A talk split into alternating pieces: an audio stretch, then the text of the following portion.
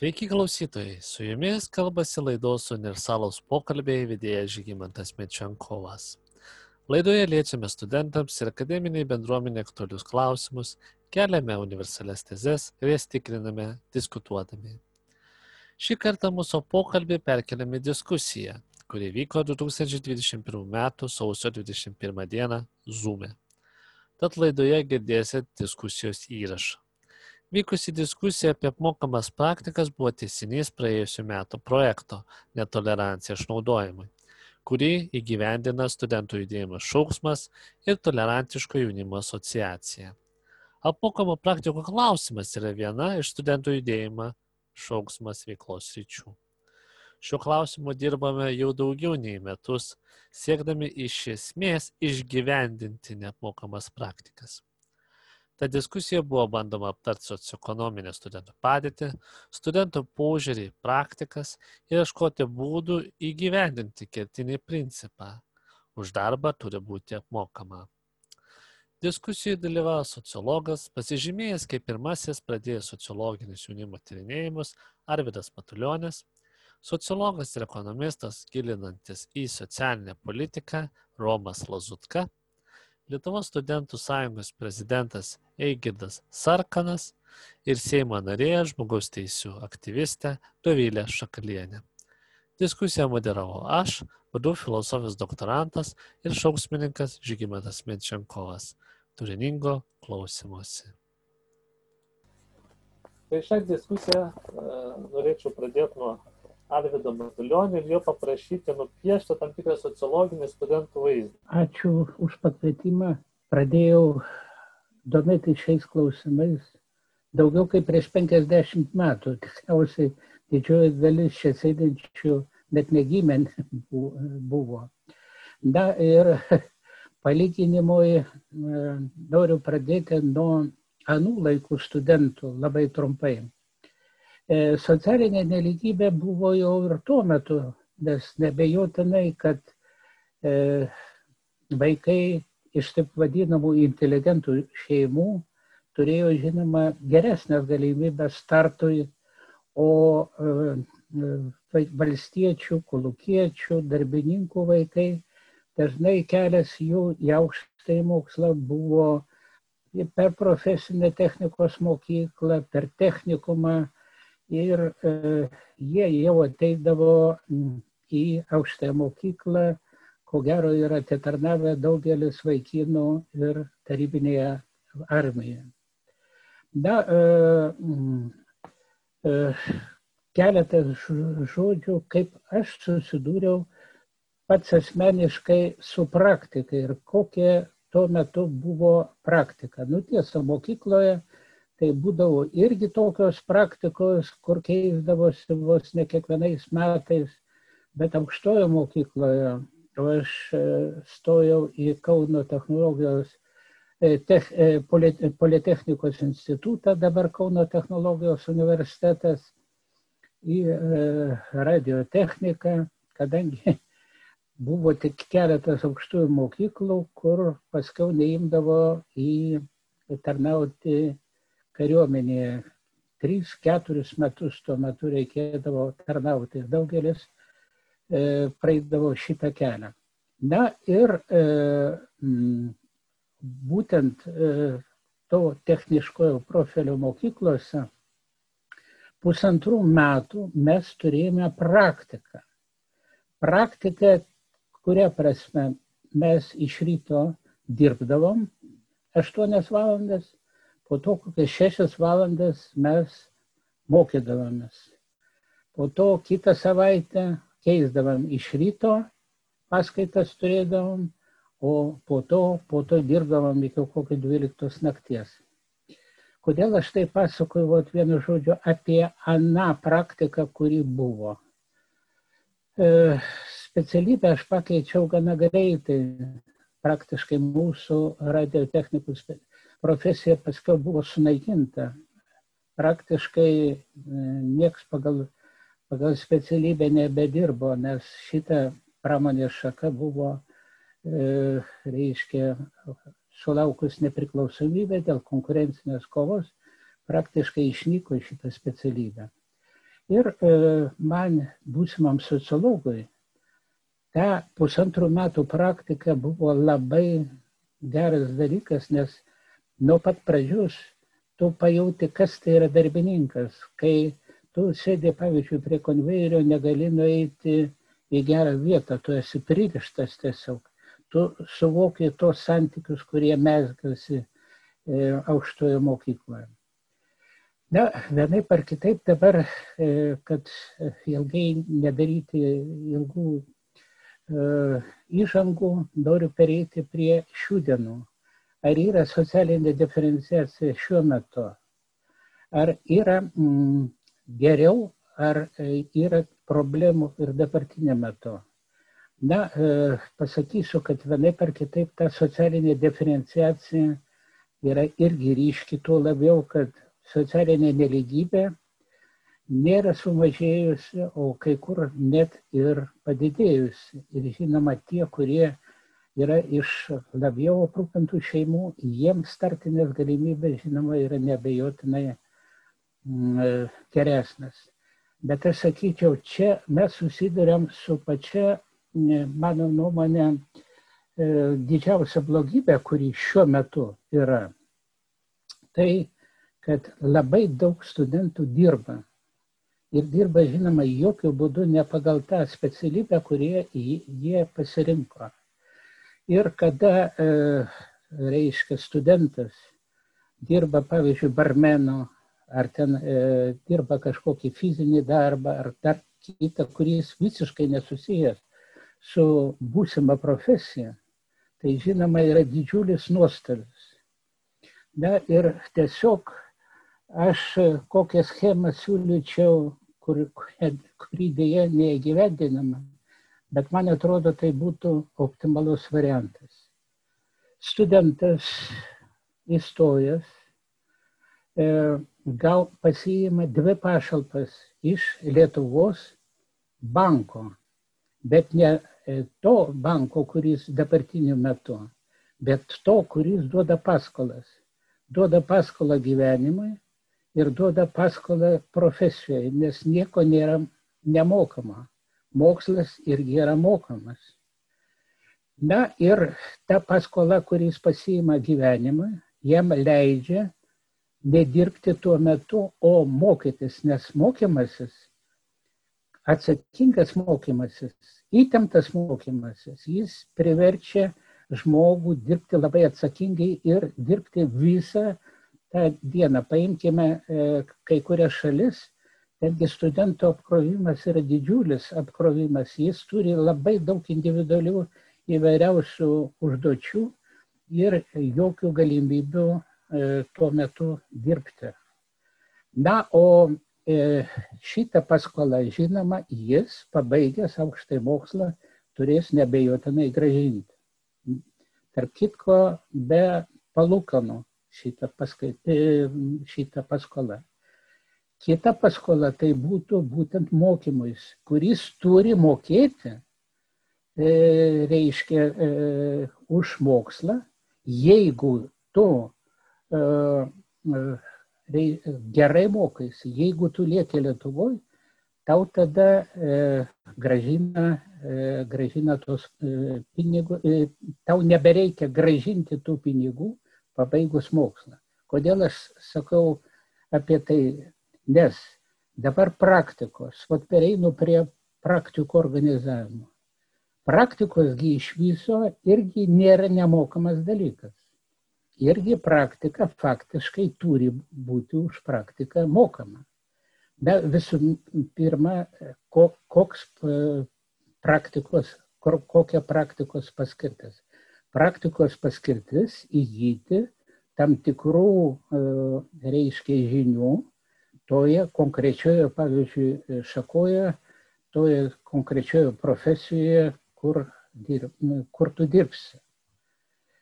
Na, e, e, tada iškyla klausimas, o kas, kas mokės tiem, kurie turi tave, reiškia, suteikti tau žinias, kurie turi tave mokyti. Iš kitos pusės, jeigu tai yra privatus verslas, tas privatus verslas turėtų irgi būti suinteresuotas, kad jis pasirinktų pačius geriausius žmonės, kurie e, pas jį atlikinėja praktiką, kurie jam labiausiai tiktų. Ir e, e, dabar ryšys tarp verslo ir aukštojo mokslo praktiškai irgi nėra sutvarkytas. Verslininkas nori dažniausiai tik gauti, o ne duoti, nes vienaip ar kitaip tai viskas, kai, sak, kai sakoma, kainuoja. Ir žinoma, nebejotinai yra didžiulis skirtumas tarp techniškųjų mokslų ir tarp socialinių mokslų. Bet socialiniuose moksluose paimkime konkrečiai sociologiją. Daugelis dalykų sociologijoje, kad įgyti amatą, irgi turi, e, reiškia, pavyzdžiui, dalyvauti tyrimuose, būti anketuotoju, apdoroti e, duomenis. Tai irgi viskas kainuoja. Ir žinoma, už šitą konkretų daiktą, darbą, ką jis atlieka, irgi nebejotinai e, turi jis gauti atlygį. O ne taip, kad reiškia, ar ten paskui gaus geresnį pažymį už tai ar ką nors. Nes jis atlieka konkrečias funkcijas, kur yra, turi, turi būti apmokama. Lygiai taip pat techniškuosiuose dalykuose, jeigu jis yra gamybos procese, tai e, jis už pagamintą produkciją taip pat turi nebejotinai gauti atlygį.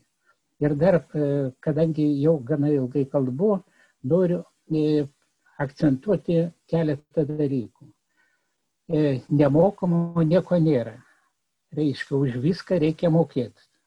Bet klausimas, kas moka? Jeigu aukštojo mokykla siunčia savo žmonės į praktiką, jį matyt turi numatyti tam tikras lėšas, kad tas, kur yra priimama, kad, gali, kad galėtų apmokėti tiem, kurie moko tam, tam tikrų, kai sakoma, operacijų. Taigi, mano nuomonė, turi būti labai veikianti bendrą sistemą, nes jeigu nėra kokios nors grandies, vat pavyzdžiui, tada viskas, viskas gerokai, gerokai tada e, supro, nu, iškyla daug, daug tokių problemų ir tada nepatenkinti nei vieni, nei kiti. Bet pagrindinis dalykas, tai aukštoji mokykla turi parengti gerai E, išmanti žmogų ir ta praktika turi pasitarnauti. O kai nėra e, to pasitarnavimo, tada, e, žinoma, gaunasi prašiau. Na ir paskutinis dalykas, aukštosiuose mokyklose irgi turi būti visiškai kita sistema. Paskaitos gali skaityti šimtų žmonių, bet seminarai tai turi būti penki, septyni žmonės kad iš tikrųjų būtų konkreti, konkretus, konkretus, konkreti nauda ir profesorius turėtų turėti ne taip, kad seminaras 25 žmonės, nėra tada jokio kontakto, o kad būtų, e, būtų e, ir kontrolė, nes jeigu nebus kontrolės, tada nebus irgi jokio efekto. Per ilgai kalbu, tik noriu ir truputėlį gal pablaškytai, bet noriu pasakyti, kad turi būti bendra sistema. Kai nėra bendrosios sistemos, kai nėra pačios pradžios ir kai studentui tenka dirbti vėl nežino ką, tada nukenčia visą, visą tolesnę grandinę. Pradžiai tiek. Tai aš pabandysiu irgi pasisakyti, bet jeigu tas monologas išeis toks ilgas, tai jūs sustabdykit ir tada galite pertraukti. E, e, bet aš bandysiu tais tuos klausimus, kuriuos paminėjot. Tai e, pirmas klausimas kuris man dažnai rūpi kalbant apie studijų reikalus ir kas girdisi lietuvoj toj viešoj erdvėj tai ar studentų lietuvoj per daug tai tas mane erzina klausimas ir ta, ta, ta išvada, kur dažniausiai sakoma. E, todėl, kad yra įvairiausi įrodymai, kad na, tai yra investicijos ir yra gana gera graža. E, kai, kai žmonės studijuoja. Ir jeigu mes žiūrim, tarkim, socialinius rodiklius, nors kartais pasakoma, kad e, studentai iš, iš universiteto eina į darbo biržą, dabar užimtumo tarnybą, bet gali būti, kad jie užsiregistruoja pradžioj, nes yra, yra paskatos registruotis, bet paskui, jeigu mes žiūrim duomenis ilgalaikius, tai tarp skurstančių, tarp bedarbių, žmonių, kurie turi aukštą įsilavinimą, yra labai mažai. Ir jeigu žiūrime, ir aš dabar bandysiu čia parodyti ir vieną kitas, vieną gal šiek skaidrę, tai ypatingai Lietuvoje į studijas investuoti apsimoka, rodo tiesiog asmenę naudą, tai yra graža, kiek žmonės uždirba turintis aukštą įsilavinimą ir, ir neturintis. Ir aišku, visuomeninė ta graža, kuri neišreiškiama tų žmonių algomis, bet poveikis visai visuomeniai, prie kurio gal neverta ilgai čia sustoti, yra lyginama, kiek žmonės uždirba tie, kurie turi aukštą įsilavinimą ir čia mano paveikslėlis parodys, kad Lietuvoje ir, ir kai kuriuose kitose šalyse tai yra labai efektyvi investicija asmeniškai Štai dabar čia galima matyti, padidinau. Čia vertikaliai yra parodyta procentas darbingo amžiaus žmonių, kurie turi aukštai tą įsilavinimą pertinį, o horizontaliai kiek jų pajamos yra didesnės lyginant su mediana jo. Tai štai matom, kad Lietuva į dešinę, tai yra beveik 190 procentų, tai yra algos vos ne du kartus didesnės. Matom čia kai kurios tos senosios šalis, Danija ar, ar Suomija, Švedija, Niderlandai, kur tas skirtumas nėra toks didelis ir tada jau galima galvoti, kad ten yra perteklius žmonių, kurie turi aukštą įsilavinimą ir tas, žodžiu, įsilavinimas pajamų didesnių duoda ne tiek žymiai daugiau, kaip kad tose šalyse, kaip kad Lietuva ar čia kai kurios kitos gretimos šalis. Ir tą žmonės žino, todėl pilni universitetai ir, ir, ir jaunimas stoja, nors pramoninkai ir, ir dėstytojai mūsų irgi tarp mūsų kolegų daug sako, kad to yra per daug, kad negabus stoja, nepasirengia ir taip toliau. Tai gali būti, kad nelabai gerai pasirengia, čia vidurinės mokyklos problema ar, ar žodžiu, tada reikėtų diferencijuoti kažkokius tai papildomus kursus, kad žmogus pasiruoštų, jeigu mokykloje nepasiruošė, bet visumoje tai yra gerai. Tai štai, tai, tai, kai, bet ir visuomenė. Visuomenė irgi bandoma apskaičiuoti, aš neturiu tų dabar skaičių, kiek duoda, jeigu mes įtrauksim ir, ir naudą, kurią, kurią visuomenė gauna dėl to, kad žmonės baigia mokslus. Taigi, bet Lietuvoje, taip jau, jau profesorius Matulionis minėjo dėl darbo, tai mane irgi stebina kitas Lietuvoje dalykas, kad studentai, kurie studijuoja tam stacionare vadinamą arba, arba nuolatinės studijos, kad jie gali dirbti dar 8 valandas per dieną, 40 valandų per savaitę ir netgi iki to, kad jau registruojami bedarbiais ir jie gauna bedarbių išmoką. Negali būti, jeigu mes žinom, kad studijų programos taip sukonstruotos, kad studentas turi praleisti studijuodamas per savaitę apie 30, kokias ten 4-6 valandas, bet tai jis nebegali dar 40 valandų dirbti. Bet aišku, suprantam ir tas sąlygas, kad, kad verčia gyvenimas ar, ar, ar pajamų nebuvimas ir paskolų atitinkama sistema, prie kurios truputį staptelsiu. Ir tai nėra gerai. Tai žinoma, kad man atrodo, gal net nesusipažinę su, su kitų šalių praktika, gal net darbo kodekse tą reikėtų fiksuoti, nes darbo kodeksas riboja žmonėms dirbti daugiau negu kad ten pusantro to vadinamojo etato, o studentas gali. Va, tai Tai nėra gerai. Ir, ir jeigu tai būtų atribojamas, atsiras, at, matyt, atsirastų spaudimas kitą linkmę. Tai yra kas moka už studijas. Tai aš propagavau prieš kokį 15 dar metų, gal ir 10, kad reikėtų paskolų sistemos, kad studijos būtų visiems mokamos, žinom, tai konstitucinė čia formali problema, bet dėl migracijos pagrindinės dalykas. Tai, kad Taip, aš pasidalinimą sustabdysiu. Dėl imigracijos, todėl kad tikrai mes kaip visuomenė finansuojam ir paskui dalis žmonių išvažiuoja. Jie nesumoka mokesčių čia po studijų. Bet jeigu emigracijos didelės nėra, tai tada, kaip kad kitose šalyse yra paaiškinama, kodėl neįveda e, mokėjimo už studijas, kokie nors danai ten, tai jie sako, kad tas žmogus, kuris baigia universitetą, būtent uždirba daugiau, kad ir ten ne 80-90 procentų, bet, bet 30 procentų, jis pagal per progresijos mokesčius sumoka daugiau už tą, kuris nestudijavęs ir iš už savo studiją susimoka su kaupu, jas baigęs, mokėdamas elementariai e, pajamų mokestį ar, ar, ar, ar kitus dar mokesčius. Tai ta sistema e, turi tam tikrą pranašumą, man atrodo, todėl kad jeigu mes padarom tokias, kad kiekvienas žmogus moka, tarkim, netgi jeigu ir paskolų sistema gerai veikia, tai tuomet e, yra pavojus, man atrodo, kad pučiamos kainos studijų.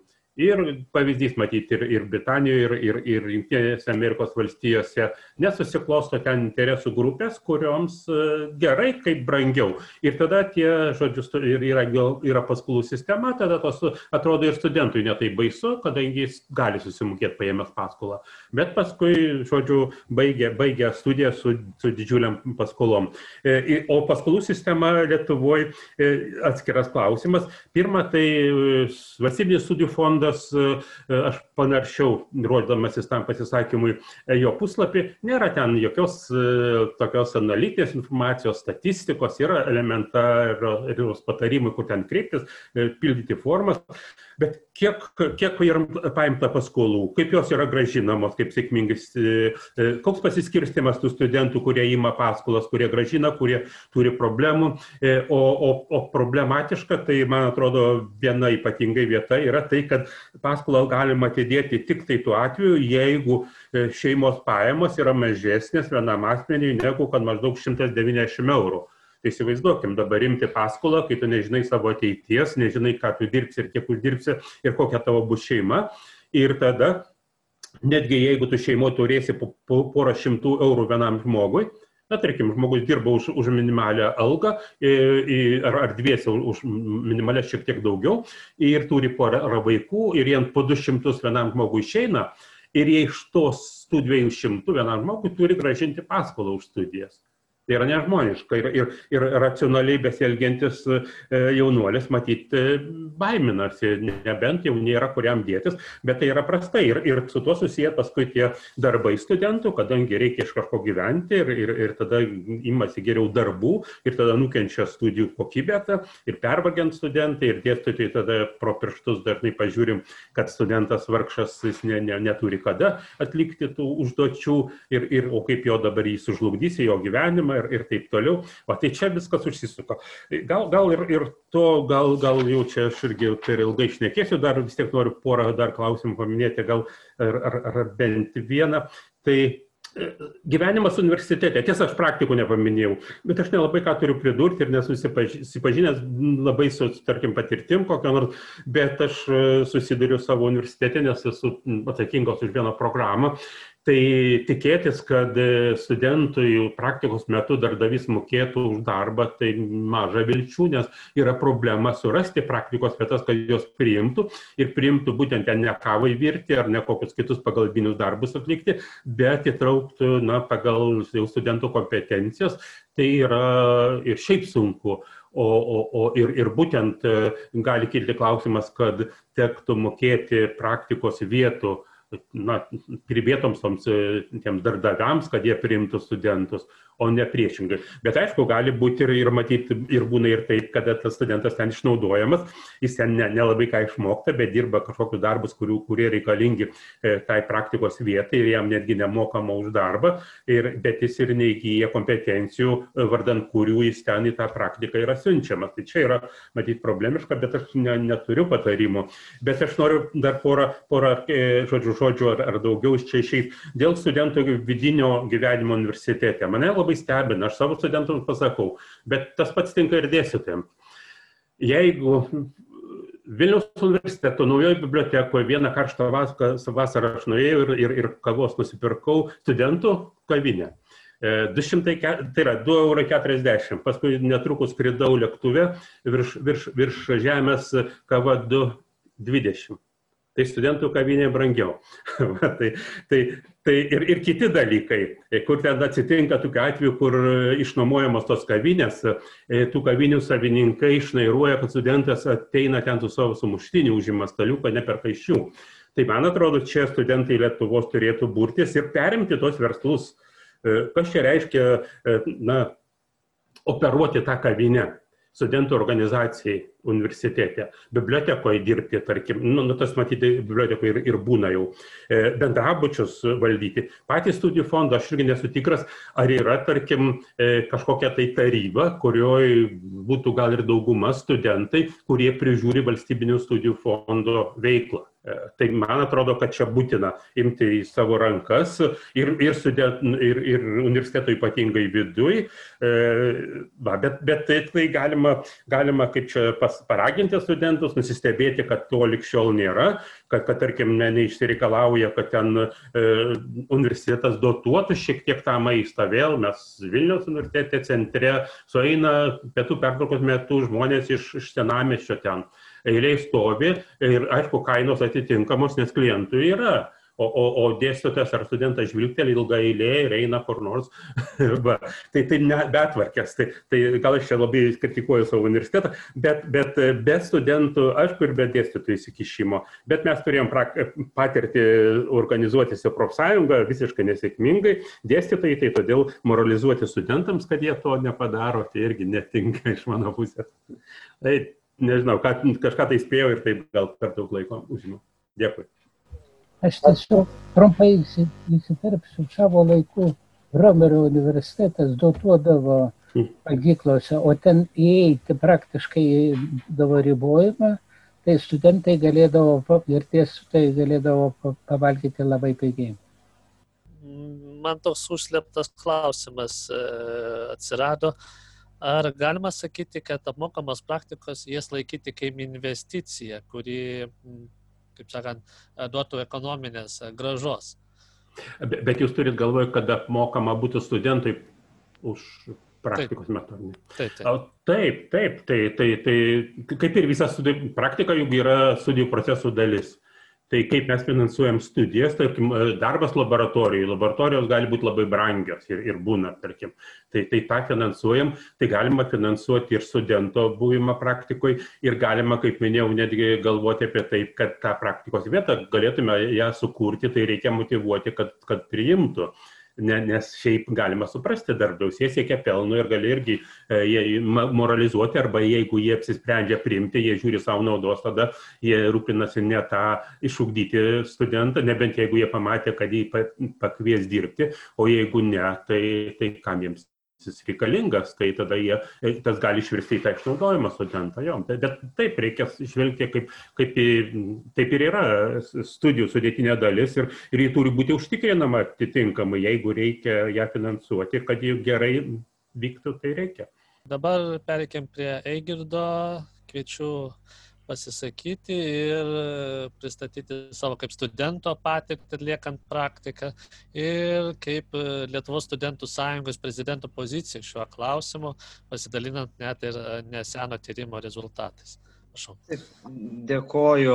Aš gal tik tai iš pat pradžių sureaguosiu į gerbiamo Romo trumpai E, pasisakymą. Iš tiesų, valstybiniam studijų fondė statistika apie paskolas yra. E, yra ataskaitose pakankamai deta, detalų skaičiai, ten tikrai galima pasižiūrėti. Tačiau ką jinai rodo, kad iš tiesų vos keletas studentų tas e, paskolas ima. Ir na, pagrindinis motyvas, kodėl studentai jų iš tiesų neima, tai yra tiesiog ir jūsų minėti tam tikri finansiniai įsipareigojimai ir na, tam turbūt tam tikra turbūt nežinomybė dėl ateities, kas galų gale bus, nes turbūt visi svarsto ir apie kažkokį tai būstą ar tiesiog na, tam, tam tikrą gyvenimą kažkada tai na, po studijų. Tačiau bet kokiu atveju, na, nekartą mes esame siūlę ir dabar reikia tikėtis galbūt su nauja vyriausybė tie visi ledai pajudės, kad apskritai e, paskolos gražinimas turėtų būti susijęs su gaunamomis pajamomis. Tokiu atveju mes tikrai galime kalbėti apie esminį aukšto mokslo finansavimo modelio tokį pokytį ir, ir, ir na, keitimą iš esmės. E, ir tikrai galima būtų svarstyti kaip vieną iš na, alternatyvų, kad galbūt visiems yra, tarkim, visuotinai mokamas e, mokslas. Nes na, iš, iš anksčiau jau buvo kalba na, priešingai, kad visiems, kaip sakant, nemokamas bakalauras. Bet, na, čia turbūt tokia vertybinė ir apskritai, na, politinė diskusija, prie kurios turbūt bet kokiu atveju bus anksčiau ar vėliau grįžta. E, kas liečia praktiką, tai galbūt pradėsiu nuo savo asmeninės patirties. Jau prieš kurį laiką iš tiesų aš praktiką atlikęs prie, prieš keletą metų, atlikinėjau ją socialinės apsaugos ir darbo ministerijoje. Tikrai praktiką esu patenkintas. Tikrai, tikrai suteikia man žinių, e, suteikia kompetencijų, įgūdžių, galų galę tas prakti, teorinės žinias galėjau, galėjau pritaikyti praktikoje, tačiau na, esminė turbūt problema ir iššūkis e, buvo tuo metu, kad na, aš studijavau Kaune, e, gyvenau e, Jonavoje, tačiau praktiką reikėjo atlikinėti Vilniuje. Ir na, tai reiškia, kad tu arba tiesiog kiekvieną dieną turi važinėti, e, kad ir viešuoju transportu, kad ir pusę kainos, tačiau vis tiek tai yra papildomos išlaidos. Aš pasirinkau nevažinėti, aš pasirinkau gyventi Vilniuje tą mėnesį laiko, teko nuomotis e, kambarį, tačiau bet kokiu atveju tai yra papildomos išlaidos, kurios na, nėra kažkaip tai ten labai e, planuotos ir na, jų man absoliučiai niekas nekompensavo. O apie užmokestį apskritai turbūt na, nebuvo na, absoliučiai jokios kalbos kalbos. Tai mes čia turbūt ir turime na, tam tikrus du dėmenis, apie ką mes turime kalbėti. Tai vienas yra, kad studentai, na, turbūt apskritai neturėtų patirti išlaidų visų pirma susijusių su praktikomis ir apskritai papildomų išlaidų susijusių su e, studijomis, nes nepaisant to, ar aš pats moku už studijas, ar aš turiu valstybės finansavimą, tačiau papildomų išlaidų aš bet kokiu atveju patiriu.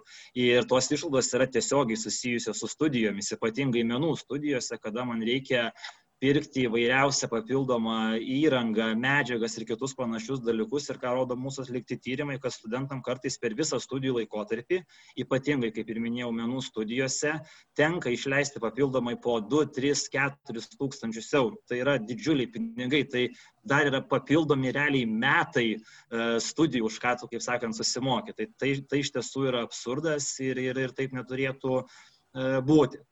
Dabar dėl, dar, dar dėl statistikos, tai kaip ir Žygimantas e, minėjo, mes gruodžio mėnesį, sausio pradžioje, e, kaip tik šių metų, esame e, atlikę tyrimą, norėdami vertinti tiesiog studentų darbo paplitimą. Mes reguliariai tokį tyrimą atliekame, kol kas tokių visų apibendrintų rezultatų neturime, tiesiog viskas dar yra procese, bet aš sąmoningai kolegės, kuri yra atsakinga, paprašiau, kad jinai šiek tiek išimtų duomenų būtent apie praktiką, nes norėjome ir šį aspektą paliesti. Tai ką rodo statistika, iš viso mes apklausėm 2700 e, studentų ir iš jų 955 e, pažymėjo, jog praktiką atliko arba ją atlieka e, šiuo metu, tai na, beveik trečdalis. Ir ką parodė rezultatai, kad iš tiesų vos 11 procentų studentų už savo atliekamą arba atliktą praktiką gavo atlygį. Tai vadinasi, kad na, 9 e, iš 10 studentų iš esmės na, jokio atlygio negauna. Kada mes kalbame apskritai apie patirtas išlaidas ir ar jos buvo kompensuotos, tai dar yra prastesnė situacija ir čia vos 8 procentai studentų iš tiesų pažymėjo, jog jie taip na, gavo e, tam tikrą kompensaciją. Ir pagrindinės išlaidos iš tiesų pas studentus susijusios su praktika ir buvo susijusios būtent su e, kelionės išlaidomis. Pusė studentų jas pažymėjo, taip pat penktadalis pažymėjo apgyvendinimo na, ir maitinimo tam tikras e, išlaidas. Na tai statistika akivaizdžiai rodo, kad na, čia problemų yra Ir, ir kaip ir minėjau, vienas momentas yra būtent praktikų na, atsiskaitimas už praktikas kaip už darbą, bet visai kitas momentas yra būtent papildomos patirimos išlaidos. Ir čia turbūt reikia visų pirma, mano supratimu, nuo to, kaip sakant, diskusiją pradėti siekti to, kad nebūtų apskritai ir vėliau, kaip sakant, na, turbūt natūraliai pereiti prie papildomo e, apmokėjimo. Nes vėlgi mes sąjungoje iš tiesų kalbėjome ir, ir, ir kai pamatėme iš tiesų ir susipažinome su paskelbta tarptautinė rezoliucija, e, iš tiesų vienareišmiškai mes ją palaikome, tačiau matome ir kitą grėsmę, kuri ir šiandieną tarsi buvo įvardinta, kad na, jeigu būtų toks na, nuleidimas iš viršaus, kad dabar darbdaviai turi dar susimokėti už praktiką, tai natūralu, kad praktikos galimybių e, galėtų mažėti. Ir automatiškai na, tam, tam tikra pasiūla praktikų jinai mažėtų. Ir čia tikrai galima mes ir išvelgėme tam tikrą problemą ir tam tikrą grėsmę. Tačiau bet kokiu atveju, jeigu mes kalbame apie praktikos apmokėjimą, tai esminis turbūt klausimas ir yra, kas ją apmoka - valstybė, aukštoji mokykla, ar, ar tas pats na, darbdavys, ar, ar tiesiog vieta, kuri tave priima. Ir čia mes tų modelių tikrai galime rasti ir, ir tam tikrą sutarimą galime rasti, nes bet kokiu atveju, kuriant naują studijų programoje ar tobulinant dabartinę studijų programą, kažkokią tai esamą, e, jų tobulinime ir kūrime dalyvauja socialiniai partneriai, kurie įprastai būna iš įvairių, na, tam tikrų nepriklausomų su aukštąją mokyklą nesusijusių institucijų, įstaigų, organizacijų ir panašiai. Ir šioje vietoje galbūt ir galėtų atsirasti tam tikras, na, susitarimas, jog, e, tarkim, socialinis partneris įsipareigoja apmokėti e, kažkokią tai e, praktiką, praktikos vietą ir studentui tiesiog, na, mokėti kažkokią tai stipendiją ar kaip tai, na, besivadintų. Iš kitos pusės mes bet kokiu atveju turime tam tikras Erasmus praktikas, kur studentai turi galimybę išvažiuoti. Ir ten viskas yra dengiama. Tau yra ir apmokamos kelionės išlaidos, tau yra apmokamas apgyvendinimas ir kitos išlaidos. Galbūt tau kartais ir neužteks tos stipendijos, galbūt reikės ieškoti papildomų pajamų, tačiau bet kokiu atveju galimybė, na, kaip sakant, ir tam tikras kompensavimas yra. Ir, na, mano supratimu, tikrai apie tam tikrus galimus modelius, e, kaip kompensuoti tas išlaidas, tikrai mes e, galime kalbėti, bet vis tiek turbūt klausimas būtų, kur ta atsakomybė e, krenta, kas, kas tą atsakomybę prisiema, įskaitant jokios abejonės ir finansinę atsakomybę. Bet dabartiniai situacijai vis tiek mes turime studento krepšelį. Jame yra labai aiškiai vardintos tam tikros dalis, už ką yra, kaip sakant, mokama, kur gali tas lėšas naudoti ir kad atsirastų papildoma eilutė susijusi su praktikomis. Jis beje ir šiaip yra pasislėpusi, jinai nėra konkrečiai įvardinta, tačiau ją galima labai aiškiai išskirti ir labai aiškiai pasakyti, kur tos lėšos gali būti naudojamos. Nes dabar e, iš krepšelio lėšos skirtos praktikoms iš esmės yra apmokamos tiesiog e, praktikos vadovo aukštojo mokykloje darbo užmokesčių. Tačiau čia bet kokia atveju skaidrumo trūksta, nes kaip tos realiai lėšos yra krepšelio leidžiamas, na, niekas iki galo nežino. Nes yra viena eilutė - studentų krepšelis, tu tiesiog gauni tos pinigus ir juos išleidi. Tai turbūt toks būtų trumpas pasisakymas. Galbūt dar būtų galima pabandyti atsakyti klausimą, nors jau Romas jau paminėjo apie tą, sakykime, nesukūrimą studentų vertę praktikos metu. Iš darbdavių mes girdim tokį skeptišką vertinimą, jog studentai nieko nesukuria, tik tai trukdo darbdaviams. Kiek yra teisinga šitas teiginys? Čia žygimtai manęs klausia turbūt. Žinoma, žinoma. Sunku pasakyti, nesu, nesu, kaip sakant, aš darbdavys, tai sunku vertinti, kaip sakant, sukūrėme vertę. Tikrai darbdaviams turbūt yra geriau, geriau žinoti ir turbūt per mėnesį laiko kažkokią, tai, kažkokią didžiulę pridėtinę vertę sukurti, na, mano supratimu, yra pakankamai sudėtinga. Tačiau iš kitos pusės, na, jeigu iš tiesų būtų kažkoks didelis nuostolis darbdaviams, na tai jie bet kokiu atveju skaičiuoja ir mato viską labai labai pragmatiškai. Net ir dabartiniai jų pasisakymai apie tai, kad čia neapsimoka, na jie yra pragmatiniai.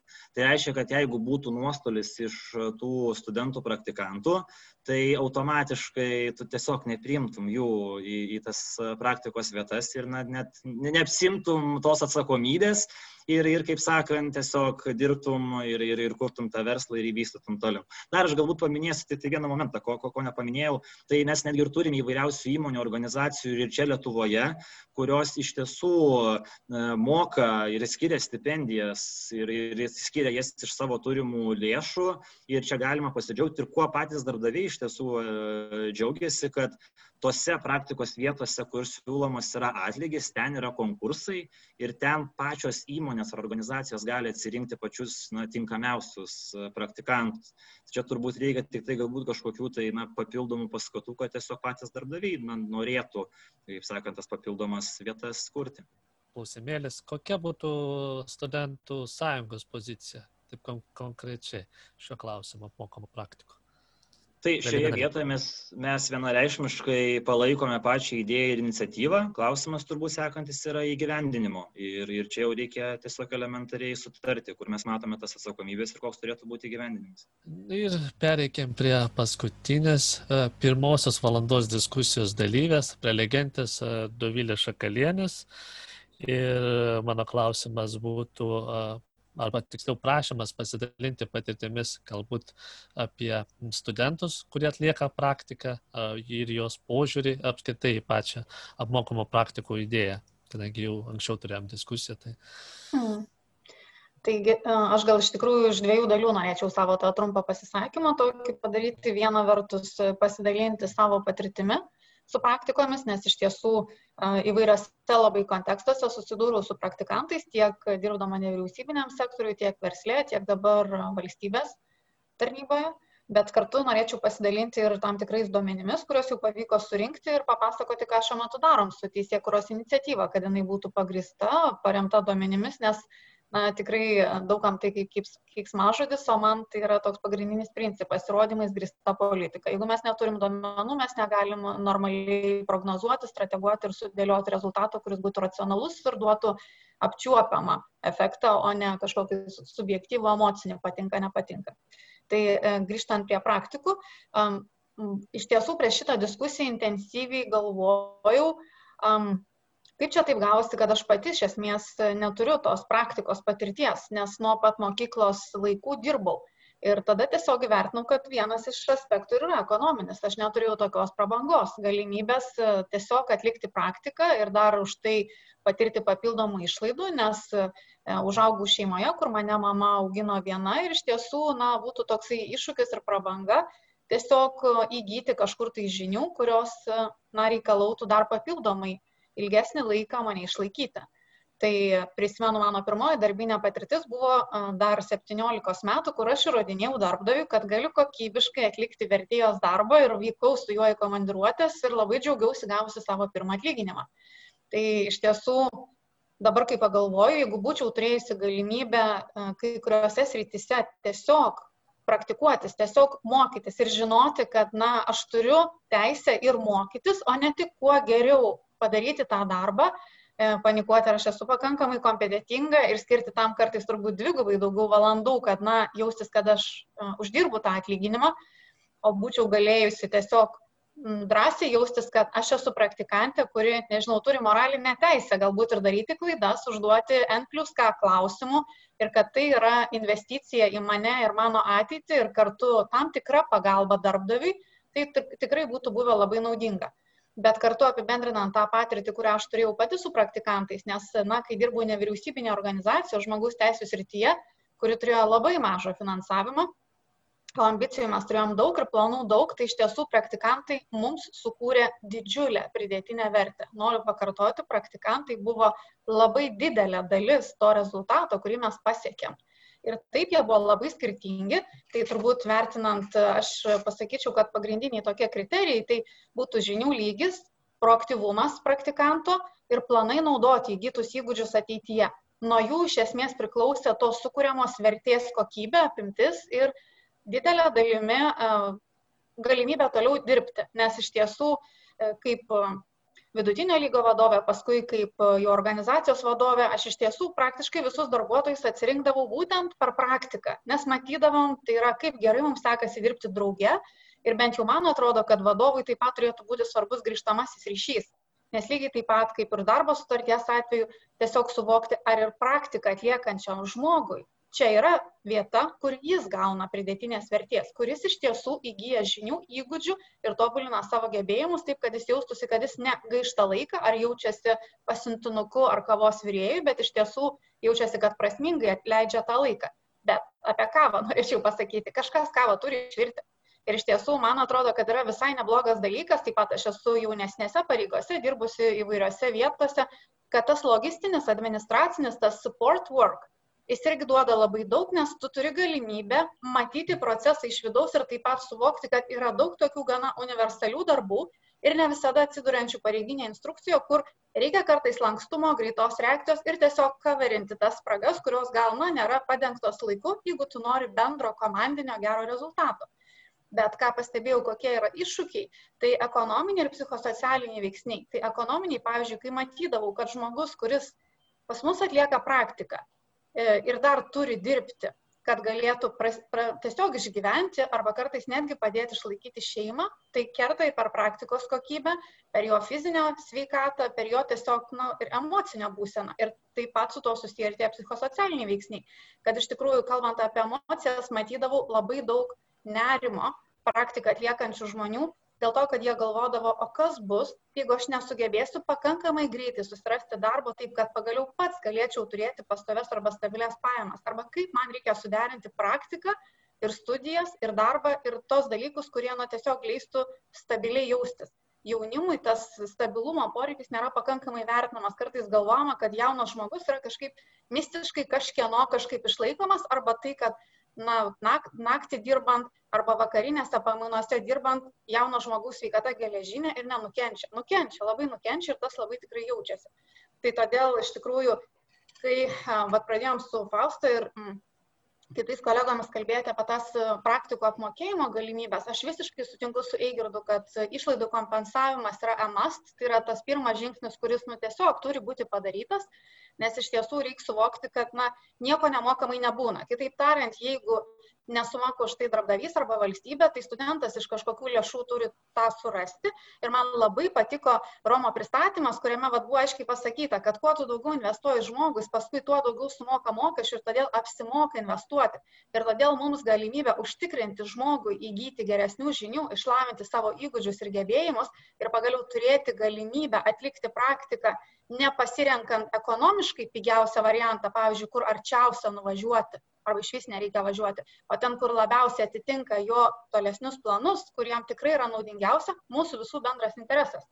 Bet vis tik tai aš manau, kad mes turėtumėm e, galvoti apie apmokėjimo įteisinimą ir aš sutinku su įgardo mintimi, kad nuleidimas iš viršaus prievalės e, nu, niekam dažniausiai nepatinka, nors gal dalį studentų iš tikrųjų ir šiaip atrodytų iš principo faina, bet pagaliau lieptų mokėti, bet realistiškai vertinant, aš manau, kad galimybės apmokėti praktiką įvedimas turbūt būtų realistiškiausias.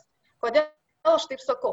Nes viena vertus ir šiandien mes turim tam tikrų situacijų, kur yra noro, bet nėra kol kas teisinio normalaus reglamentavimo mokėti praktikantui. Pavyzdžiui, kai kuriuose projektuose, ypač europinėse, yra tokia galimybė. Internship gali būti paid internship ir tu gali turėti trumpalaikį darbuotoją, kur taip pat ir deklaruoji, kad vykdant tą projektą jis ir mokysis, tuo pačiu įgys įgūdžių ir dirbs. Ir tas paid internship yra puikus dalykas, tai man atrodo, kad čia reiškia, reikia leisti galimybę apmokėti už tą praktiką.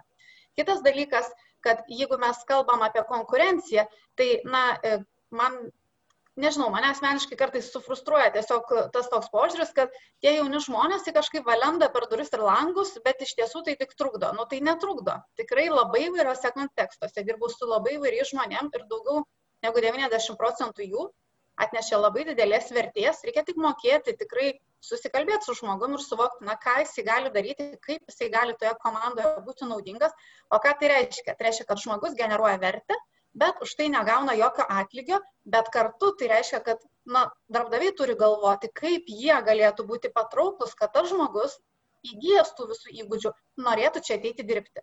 Tai todėl aš manau, kad kai kuriuose srityse darbdaviai patys galėtų būti suinteresuoti pasiūlyti apmokamas praktikas kaip galimybę pritraukti ten studentus, praktikantus su perspektyva, kad jie paskui norėtų ateiti dirbti. Be to praktika vis tik, sakau, grįžtamasis ryšys svarbu abiem pusėm pasibandyti, ar, žodžiu, sueina biolaukai, ar galima susikalbėti ir galima bus tada ateityje dirbti. Dar vienas dalykas, kas man atrodo yra svarbu suvokti tas apimtis, bet mes kreipiamės e, kartu su komanda į Lietuvos universitetus, prašydami pateikti duomenis apie pastarųjų trejų metų privalomųjų praktikų e, sutarčių skaičių. Tai yra, kiek studentų atliko privalomasias praktikas. Tai čia taip, žodžiu, pajokausiu, kad e, man visai geri tie atsakymai buvo ir indikatoriai ir apie tų pačių e, studijų įstaigų, na, tam tikras e, perspektyvas išsilaikyti moderniame pasaulyje, nes kai kurie sakė, neturime čia laiko tokiais dalykais užsiminėti, nepaisant to, kad paaiškinom, kad yra teisėkuros iniciatyvai, kurios tikslas yra spręsti studentų praktikų apmokėjimo klausimą, bet kai kurios įstaigos buvo tikrai fantastiškos. Tai yra labai greitai atsiuntė duomenys ir matėsi, kad jiem patiem duomenų surinkimas yra aktualu ir jie suvokė, kodėl yra ir tam tikri pjūviai svarbus.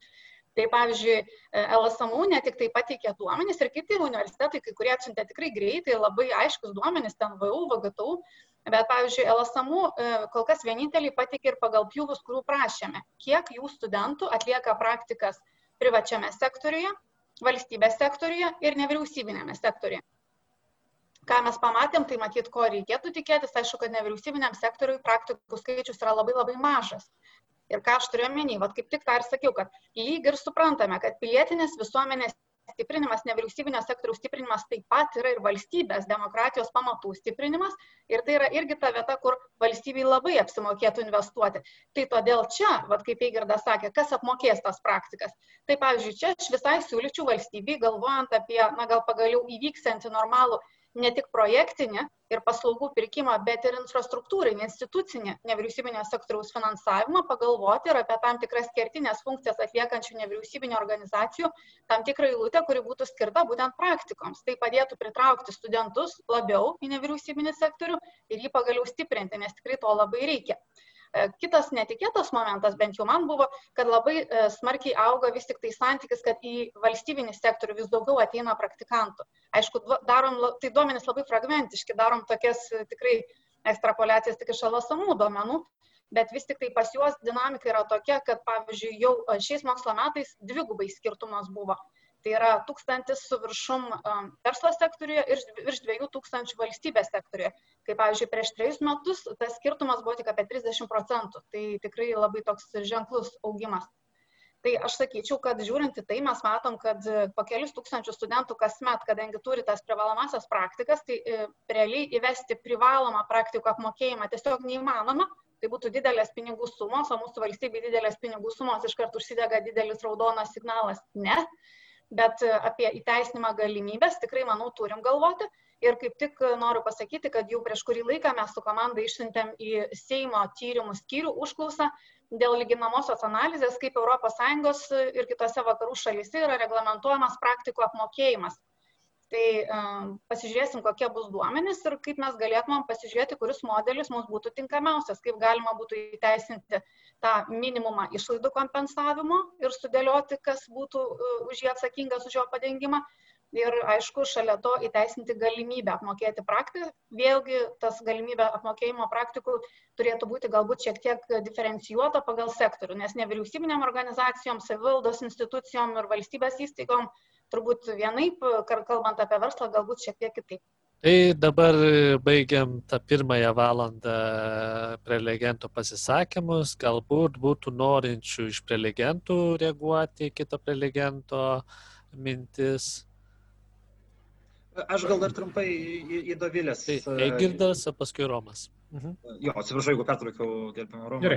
Tai jo, tai tiesiog, tiesiog greitai Dovilės e, sureaguosiu. E, kaip ir buvau minėjęs, iš tiesų, pas, na, pabaigoje savo pasisakymo, kad e, tikrai yra darbdavių, kurie steigia apmokamas vietas ir, ir tikrai, na, sąžiningai studentam už jas susimoka ir ten yra konkursai.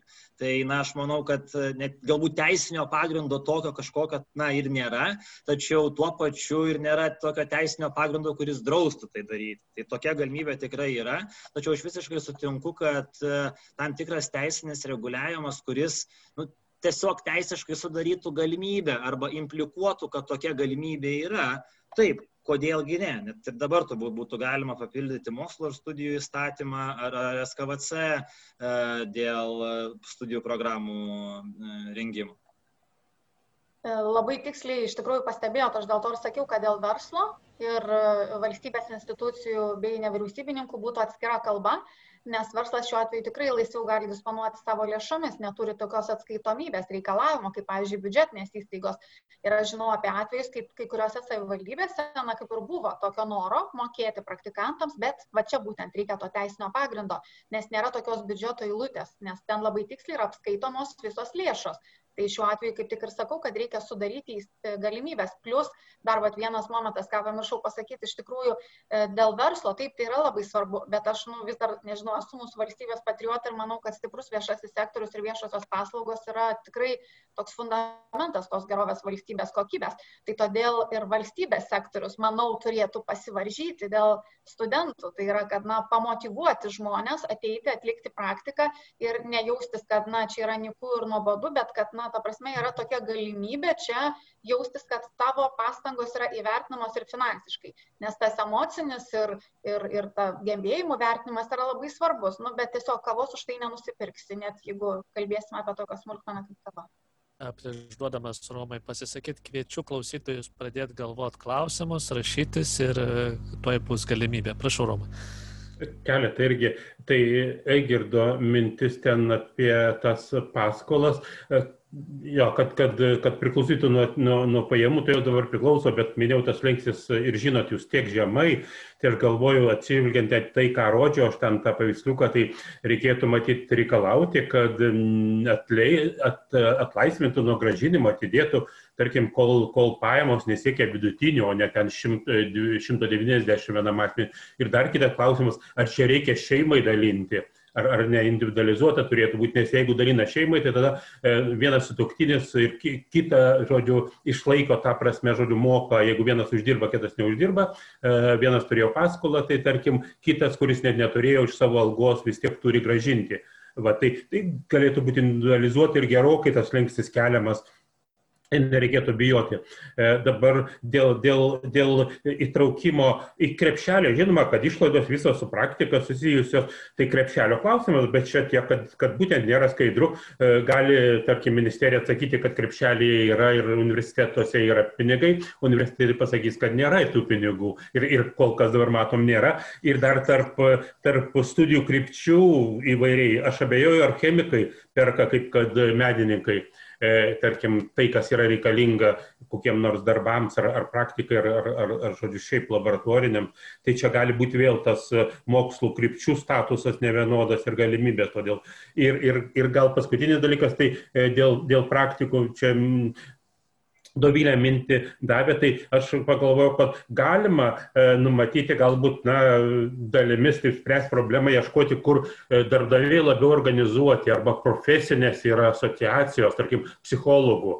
Jie yra suinteresuoti, kad bet, kuo, bet kas psichologų nebūtų ir negadintų jų, jų vardo, prestižo tai jie turėtų būti suinteresuoti, e, ar, ar kitos, tarkim, e, darbdavių organizacijos, tai galima bandyti per jas eiti, jeigu visuotinai čia neįmanoma spręsti, bet bent kai kuriuose srityse. Aš iš savo jaunos patirties galiu pasakyti, e, šturmanų mokiausi, tai kadangi siauras rytis, klaipėdoje tos trys įmonės buvo, tai jie sakydavo, tai, tai reikia spausti, reikia sudaryti sąlygas studijuojant praktiką atlikti, nes jie atėjant paskui mus nuskandins.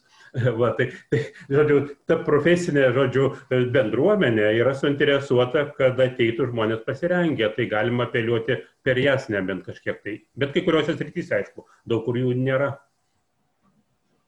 Kaip matau, Arvidas e, norėtų pasisakyti, prašau. Taip, nu, dar kartą atsiprašau, kad truputėlį taip pat ir kai išnekėjau, bet kaip tik dėl praktikų. Aš galvoju, kada tos praktikos būtent yra susijusios su profesija, tai yra labai naudingos būtent tiem būsimiem darbdaviam, kurie tikrai gali atsirinkti pačius, kaip sakoma, gabiausius, pačius aktyviausius, pačius nu, nuoširdžiausiai siekiančius savo tikslo. O iš kitos pusės tai būtų ir pačiam, e, reiškia, žmogui e, atrasti savo būsimą darbovietą bet aš vis tik e, noriu grįžti prie kai kurių kardinalių dalykų. Man atrodo, kol e, dirbs studentas, barmenų, kol dirbs ten daleiskim dar kažkokiu kitu ir kai nukentės jo profesinis pasirinkimas, tai yra tiesiog yra žlugdamas bendros sistemos. Dabar yra šnekama apie bankų kūrimo, lietuviško komercinio bankų kūrimą. Ir kiek, kiek aš girdžiu, kad ten su žmonėm atskirais, su asmenimis praktiškai tai visiškai nesisės. Čia daugiau, kai sakom, bus susijęta su verslu, paskolom ir taip toliau, ir taip toliau. Man atrodo, kad beprocentinė paskola, kuri kurį būtent ir galėtų duoti žmogui, kai sakoma, normaliai gyventi, kad nereiktų jam dirbti, e, vat vienu žodžiu, o susikoncentruoti mokymuisi, tai būtų labai svarbus, svarbus dalykas. Nu, o dėl kitos pusės, kai aš visą laiką sakau, kad nieko nėra nemokama. Dabar stipendijos, nu stipendijos visų pirma tai iš viso elgetiškos, nu ten padalinama kažkiek tai, kai sakoma, bet nu, tai yra visiškai nu, neracionaliai tie tos dalykus. Jeigu studentas vis tik e, turėtų mokėti už mokslą ir žinotų, kad jam puikiai besimokant, likus Lietuvoje ir dirbant Lietuvai, jam nereikės, jam bus, e, reiškia, nereikės atiduoti tos, vat, kaip tik skolos, tai bus kaip tik skatinimas ir mokymus ir viskas. Bet čia jau žinoma reikalingi kardinalus sprendimai, kurių dėje tikriausiai ir taip ir nebus. Ačiū. Dabar laikas e, mūsų klausytojams klausti. Matau, jūs tą prisijungus galbūt e, nori klausimų užduoti ar pasidalinti kokiu komentaru. Sveiki. Na, šiaip diskusija labai smagi. Tik aš pasigėdau vieno pagrindinio dalyko, tai yra esminio klausimo, ar iš viso praktikos yra reikalingos. Jeigu mes kalbam apie universitetinį išsilavinimą, jeigu mes kalbam apie profesinį, aš visiškai pilnai sutinku, bet jeigu mes kalbam apie universitetinį, aš, aš nuoširdžiai nelabai suprantu, kodėl universitetas turėtų aukoti 3 ar 6 mėnesius ar kad ir kiek paskaitų to laiko, kai jis gali investuoti į žinių, į žinių tas, tos, na, į to studento žinių sukaupimą, tam, kad tas studentas būtų neva paruoštas darbo rinkai. Čia, man regis, yra tokia problemėlė su verslo konfederacijom ir visais dargiais ir ko, kurie paaiškina, kad universitetai turi ruošti darbuotojus. Ne, universitetų užduotis yra ruošti mąstančius žmonės. Ir čia, čia yra ta pirmoji dalis, kur aš tiesiog aplamai šitoje diskusijoje pasigėdau, nes um, okei, okay, kolegijoje, kur, kur, kur, kur galbūt ten tiesiogiai ruošimi profesijoms tvarkoja, profesinėse mokyklose juo labiau, bet universitetuose tai tikrai nelabai aš to, to, to pagrindo matau. Uh, tai nereiškia, kad studentai negali daryti savo laisvų laikų praktikos. Pavyzdžiui, aš pats esu atvykęs į Lietuvą su Erasmus praktika ir daręs praktiką Lietuvoje, Vokietijai man nebuvo privaloma. Tai tas, tas, tas pasimti atostogas ir išvykti kažkur ir daryti kažkokią praktiką, mielai prašom. Tada, ko gero, yra ir lengviau de facto reikalauti, jog darbdaviai suteiktų praktikas tada, arba suteikdami praktikas kartu ir mokėtų bent jau minimalų atlyginimą. Ir tada darbdaviai atsifiltruos automatiškai tie, kurie galės pasiūlyti tokias praktikas, kur studentai sukurs tą pridėtinę vertę ir net, net, neturės būti kažkokiais uh, archivarais ar dar ar kavos vyrėjais, vien tik uh, kavos vyrimo vardan. Aš suprantu, aišku, uh, gerbiamas Seimo narės Šakarienės pasakymą, kad NVO labai priklauso nuo praktikantų, bet na, man labai gaila, bet klausimas yra, na, ar, ar, ar, ar tai yra tas būdas, ar ne kaip išgelbėti mūsų NVO. Jeigu mes, mes turėtume spręsti NVO problemą, spręsdami NVO problemas, bet nebūtinai spręsti NVO išgyvenimo problemų per tai, kad mes kažkaip bandytume finansuoti studentus. Tai va, um, kitas dalykas dar dėl, dėl, dėl paskolų, tai aš dalinai sutinku, taip, mes turime padaryti labai lengvas paskolas studentams pasiimti pragyvenimui, tam, kad jie neturėtų dirbti. Ir mes galime tikrai galvoti, kaip mes galėtume apriboti gal, galimybę studentams dirbti e, studijų metu, nes savame suprantama, tai yra iš, es, iš esmės viršvalandinis darbas. Tačiau aš visiškai nesutinku su idėja, kad, kad Lietuvoje reikėtų padaryti mokslą, mokamą, tasme, kad studentas pasimtų paskolą tam, kad jis galėtų studijuoti, nes mes žinome, kokia tragiška Lietuvoje yra studijų kokybė. Aš čia galiu parodyti savo, savo, taip sakant, universitetą, Vilnius universitetą, kai aš pamatau, kokie yra šiuo metu rengiami magistriniai darbai uh, ekonomikos magistrantų, tai man uh, plaukai pasistoja. Tai uh, jeigu tai už tai mes parašytume dar studentus ir susimokėti, tai tada aš nematau jokios priežasties, dėl ko, dėl ko bent vienas gabus studentas turėtų stoti į VAU. Jis tiesiog stotų į, arba į Daniją, arba į Vokietiją, arba į Niderlandus, kur yra studijos nemokamos. Tai, tasme, tai aš tos tikrai nematau. Tai čia čia yra ko gero kitos tematikos. Tai manau, kad tiek. Dėkui. Prašau. A, tai Dovilė, prašau. Dėkui, tai norėčiau iš tikrųjų tai sureaguoti. Nemanau, kad reikia gelbėti NVO sektorių per studentų praktikų apmokėjimą. Aš tik tai manau, kad studentų praktikos ir savanorystė kartais tai yra tokia labai keista, ne visai apčiopama riba dėl to, kad tas teisinis reguliavimas yra ne visada e, patogus, tai kartais e, iš tiesų mes esam turėję tokių situacijų, kur, na, net nesu tikra, ar tai buvo savanorystė ar praktika, bet um, šiaip um, NVO sektorius e, Lietuvoje nuo kitų šalių matyt skiriasi tuo, kad kiek man teko gyventi vakarų šalyse, Šveicarijoje, Prancūzijoje, Vokietijoje tikrai daug laiko praleidau, tai e, ten vis tik aš mačiau geresnį suvokimą, kam reikia nevyriausybinio sektoriaus ir ne tik tam tikrom deleguotom paslaugom suteikti, bet kad iš esmės tai yra labai stiprus demokratinės visuomenės kertinis asmuo ir tai netušti žodžiai tose šalyse, o iš tikrųjų suvokimas, kad tai yra svarbu ir tada neišvengiamai mes turbūt suvokiam, kad na, e, daugumos žmonių, na, tų normalių žmonių, aš nes, nelaikau savęs to normalių žmogum, bet normalių žmonių E, idealizmas su amžium blėsta. Tai būtent jaunimas turi daugiau to idealizmo, noro kažką padaryti prasmingo ir jų ateimas nevyriausybinį sektorių yra svarbus ir dėl to, kad aš labai tikiuosi, kad galbūt dalis išlieka to na, pamatyto tokio gana skaudaus ir jautraus tam tikrų problemų ne, išvirkštinės pusės, ar ne?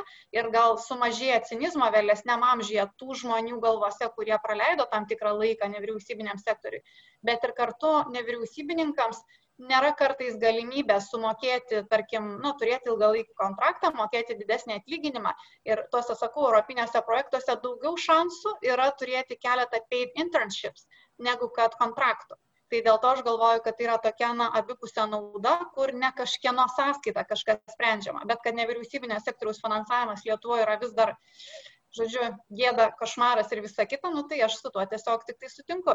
Bet aš paties norėčiau tada paklausti, ar jūsų manimų tada, pavyzdžiui, jeigu atsisakytume privalomųjų praktikų, nes man asmeniškai irgi tas privalomųjų praktikų um, klausimas kažkaip nėra labai iki galo aiškus, kaip čia tu gali priversti žmogų įgyti įgūdžių darbo rinkoje, bet jeigu mes turėtumėm laisvai pasirenkamas praktikas, ar jūs pritartumėte tam, kad vis tik tai būtų jos apmokamos, ar kaip jūs matytumėte šitą situaciją? Taip, aš visiškai sutinku, mano supratimu, kiekvienas darbas turi būti apmokamas. Ir jeigu, jeigu mes pasakytume, kad praktika turi būti apmokama bent jau minimalių mėnesinių atlyginimų, tada automatiškai darbdaviai atsifiltruos tie, kurie negali pasiūlyti tokio darbo, kur studentas, būdamas tos 2, 3 ar kažkiek mėnesių, nesukurtų tos pridėtinės vertės darbdaviai. Suprantama, bus tų, dar, bus tų darbdavių, kuriems nesukurs tos pridėtinės vertės, bet jie vis tiek investuos, nes jie norės atsirinkti savo žmonės, ką, ką ir šiuo metu jau kas vyksta. Bet aš manau, kad kiekvienas darbas turi būti apmokamas ir jeigu studentas savo vasaros metu arba pasimdamas akademinės atostogas investuoja į save ir taip sakant, ir, ir keliauja, susistavę, susistavę savo, e, savo, savo studijas į darbą tam, kad tą praktiką atlikti, tai tada darbdavys už, tai tą, už tą laiką ir turėtų mokėti. Man reikia, tai būtų pats, pats geriausias ir ta pat pati geriausia išeitis. Benas, man atrodo, norėjo, ar tik tai čia man. Norėjau, norėjau pasisakyti. Tai... Prašau. Aš kadangi pats studijuoju sociologiją, dabar trečiam kursė ir praeitą semestrą dariau namų darbą apie studentų darbą ir, ir, ir būtent pragyvenimo šaltinius, kaip būtent studentai gali kažkokias pajamas gauti ir dar kažkaip. Ir domėjausi iš tikrųjų paskolomis būtent. Ir dabar jau paskolų situacija, va dabar ką tik atsiverčiau puslapį studijų fondo, šiek tiek pasikeitus netgi yra. Džiugu, tai tikriausiai ir Lietuvos studentų sąjungos įtaka yra tame, bet ką galima atsivertus pamatyti iš karto, kad nuo jau praeitų metų spalio mėnesio Svetbankas yra atsakingas už šitas paskolas, tai irgi yra keistas toks dalykas, kad na, privatus toks kaip ir sektorius yra atsakingas už būtent tokias paskolas, e, su valstybė tuo pačiu siejasi, tai irgi taip labai, labai, labai taip e, kažkaip, nežinau, keistai. Ir tada mes turim tas e, iki kiek eurų tas paskolas yra duodamas, tai gyvenimo išlaidoms yra iki 2000 eurų per metus, iki išmokama iki Liepos pirmos mėne, dienos. Tai 10 mėnesių berots yra mokama, tai 200 eurų per mėnesį gaunasi, tai tikriausiai, kad nu, nelabai užtenka tų 200 eurų per mėnesį studentui pragyventi, nes jeigu tu esi iš e, rajono, sakykime, tu turi atvykti į didesnį miestą, tai tu turi ir būsto išlaidas kažkokias tai padengti, ir susisiekimo, transporto išlaidas, ir aišku, kitas, kitus fizinius savo poreikius patenkinti, tai 200 eurų tai tikrai na, neužtenka pats kaip studentas galiu pasakyti, kad nu, tikrai daugiau išleidžiu pinigų negu 200 eurų per mėnesį ir niekaip negalėčiau tikriausiai sutilpti 200 eurų. Tai gal čia irgi yra problema. Tikriausiai reikia irgi žiūrėti, kokie yra tikrintos studentų poreikius ir žiūrėti, kad tos paskolos atitiktų tuos studentų poreikius. Galbūt čia irgi yra problema, kad studentai galbūt apsvarsto tas paskolas, nes Svetbankas irgi buvo pats savo tyrimą atlikęs ir apklausą atlikęs būtent ir stebėtinai pastebėjo, kad, na, kad ir maža dalis tų studentų, sakykime, apskritai apmasto, apsvarsto racionaliai savo galimybę, kad na, galbūt galima kažkaip su paskola čia prasisukti. Tai atsakymas labai paprastas, kad labai mažas, aišku, procentas, bet tuo pačiu irgi, e, kad na, kiek pasiema. Ir va čia irgi yra klausimas, tikriausiai nedaklausta yra, tas tyrimas ne iki galo, ne visus klausimus atsako ir būtent gal poreikio klausimas yra, kad netitinka poreikio. Būtent e, ta suma studentų, būtent apie pragyvenimo išlaidas. O apie šitą studijų paskolą, irgi galima matyti, kad iki 2400 eurų per metus. Tai man atrodo yra tokių programų, kur, kurios netgi ir nu, daugiau vertas, ta prasme, ten, aišku, jeigu gal, galvosim apie ne, kokį nors pilotavimą ar dar kokį nors ten, kur labai didelę sumą žmonės moka, tai netitinka irgi poreikių. Tai čia vat irgi yra klausimas, ar turėtų būti tos sumos apskritai fiksuotas. Galbūt galėtų kažkaip studentai rasti kažkokias tai tokius būdus, arba nes neturėtų būti fiksuotas ir turėtų būti kažkaip pasirašomos atskiros tas individualios sutartys. Tai čia irgi, man atrodo, yra daug tokių aspektų mažų detalių, bet jos tikrai gali paveikti studento, sakykime, racionalų pasirinkimą dirbti taip padengiant savo pragyvenimo išlaidas, negu kad ten pasirinkimą pasimti, sakykime, paskolą ir tada ten daryti, sakykime, mokytis pilnai visų savo laikų, pilnu etatų. Tai man toks komentaras. Ačiū už komentarą. Aigirdas, kaip lik ir pakomentuoti nori, sureaguoti taip? Taip, taip, norėčiau, norėčiau sureaguoti.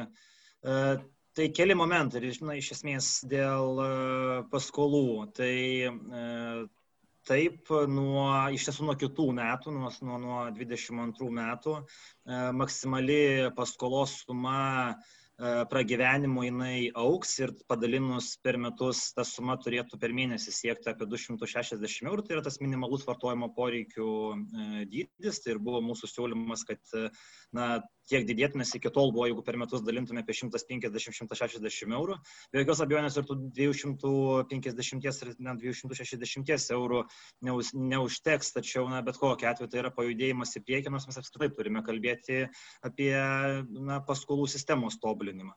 Kas liečia Svetbanko dalyvavimą, tai privatus bankai paskolas teikia jau daugiau negu 10 metų. E, tai čia nereikia stebėtis. Nuo 9 metų, kada atsirado na, ta krepšilinė sistema Lietuvoje, nuo tada ir na, įsijungė paskolos. E, čia, čia ta tiesiog na, pasiekmė turbūt taip reikėtų įvardinti tos visos reformos.